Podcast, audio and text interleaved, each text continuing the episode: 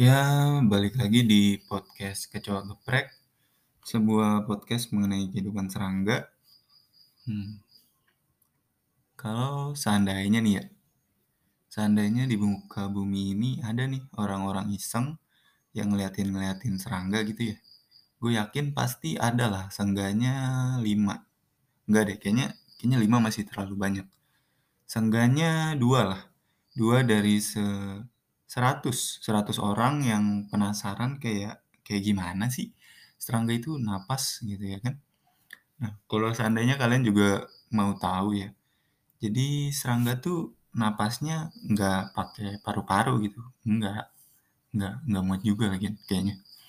Jadi buat serangga itu mereka napas pakai yang namanya trakea. Iya, yang mana awalnya udaranya itu masuk lewat lubang-lubang yang ada di sisi kiri sama sisi kanan abdomen mereka. Nah, lubang-lubang itu tuh namanya spirakel gitu.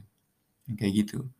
Bisa dibilang spirakel nih mirip sama inilah, sama nostril, nostril hidung, hidung manusia, kayak gitu lah. Nah, kurang lebih spirakel kayak gitu. Kemudian dari situ kan gue coba berpikir ya. Gue berpikir-pikir, untungnya kita manusia napasnya nggak kayak serangga gini ya.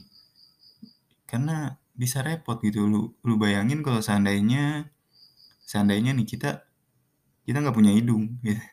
Kita nggak punya hidung tapi kita punyanya spirakel gitu. Uh, kayaknya bakalan repot banget ya. Kenapa? Soalnya kan spirakel itu kan letaknya di abdomen ya di abdomen. Abdomen pada serangga tuh kurang lebih sama lah kayak kayak perut di manusia gitu. Jadi kalau kayak gitu kan artinya kita bakalan napas lewat lewat pinggang gitu. Gak, gak enak banget. Lu bayangin napas lewat pinggang. Lu tidur miring, napas lu mampet sebelah. Terus lu juga jadi nggak bisa main gelitik-gelitikan gitu sama orang lain. Kenapa? Soalnya kalau lu salah-salah nih, nanti lu ngelitikin orang, bukan yang ngelitikin orang, nanti tangan lu malah jadi kayak masuk gitu ke spirakel orang kan berabe ya. Itu malah jadi kayak lu ngupilin orang lain gitu. Aneh banget, nggak enak kan. Terus juga kalau misalnya lu napas lewat pinggang, itu kan artinya lu napas deket pantat gitu. Nggak, nggak enak banget, napas deket pantat. Itu artinya juga potensi lu keracunan sama kentut sendiri bakal lebih tinggi gitu ya kan.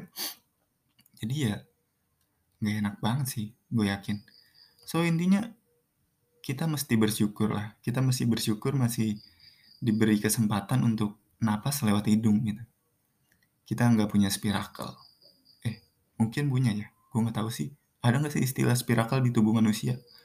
Ya tapi bodo amat lah. Ya jadi intinya tolonglah karena kalian masih bernapas lewat hidung coba dijaga baik-baik hidung kalian. Itu seenggaknya kita masih bernapas lewat hidung. Itu aja mungkin untuk podcast kali ini. Terima kasih buat kalian yang udah mendengarkan ya. Thank you